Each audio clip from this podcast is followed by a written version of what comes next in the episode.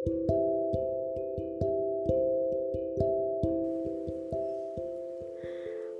semuanya, balik lagi di podcast Serabi. Hmm, sebelumnya saya mau nanya sama kalian denger podcast ini. Kenapa sih kalian mau sama dia? Hal apa yang buat kalian sadar bahwa ternyata yang kalian mau ya cuman dia? Ayo, pasti kalian langsung ngebayangin dia sekarang. langsung menerka-nerka bahwa ternyata kalian milih dia karena sesuatu yang sebenarnya cuma hal kecil. Tapi kalau saya sendiri ditanya kenapa saya maunya dia karena karena dia selalu membawa saya masuk ke dalam kehidupannya. Itu sih.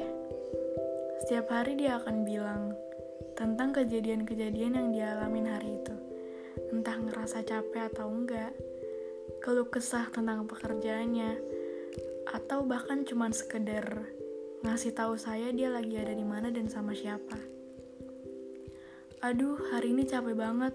Tadi sibuk banget jadi nggak sempat pegang HP. Itu salah satu keluh kesah dia yang selalu saya harapkan.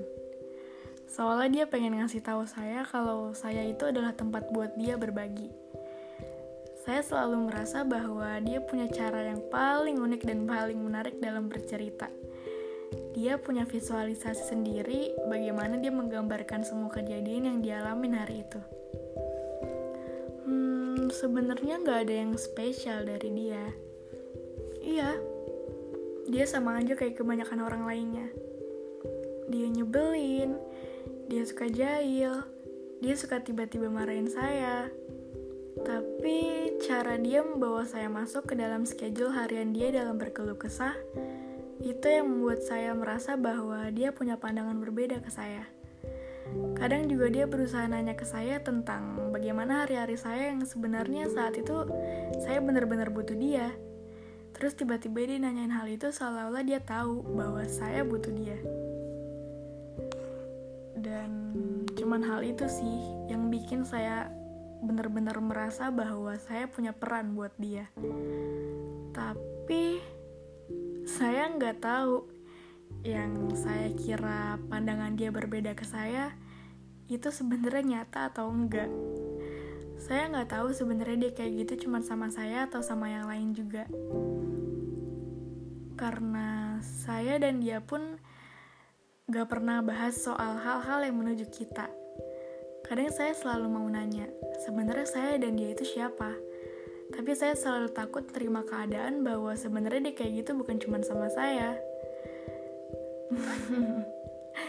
dan karena saya juga belum siap kehilangan dia, jadi lebih baik saya simpan semua pertanyaan saya di kepala yang mungkin saya sudah tahu jawabannya apa. Lebih baik saya nggak tahu daripada saya harus menerima kenyataan bahwa sebenarnya dia punya orang lain yang lebih bisa menghargai cerita-cerita dia. Tapi buat kamu yang dari tadi saya omongin, kalau kamu dengar podcast saya ini dan ngerti sama apa yang saya maksud, tolong kasih jawabannya ke saya. Kalau ternyata jawabannya nggak sesuai harapan saya pun, ya nggak apa-apa.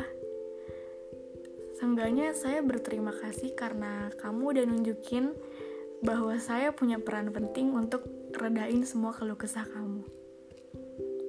Hmm, makasih ya sudah melibatkan saya dalam hidup kamu.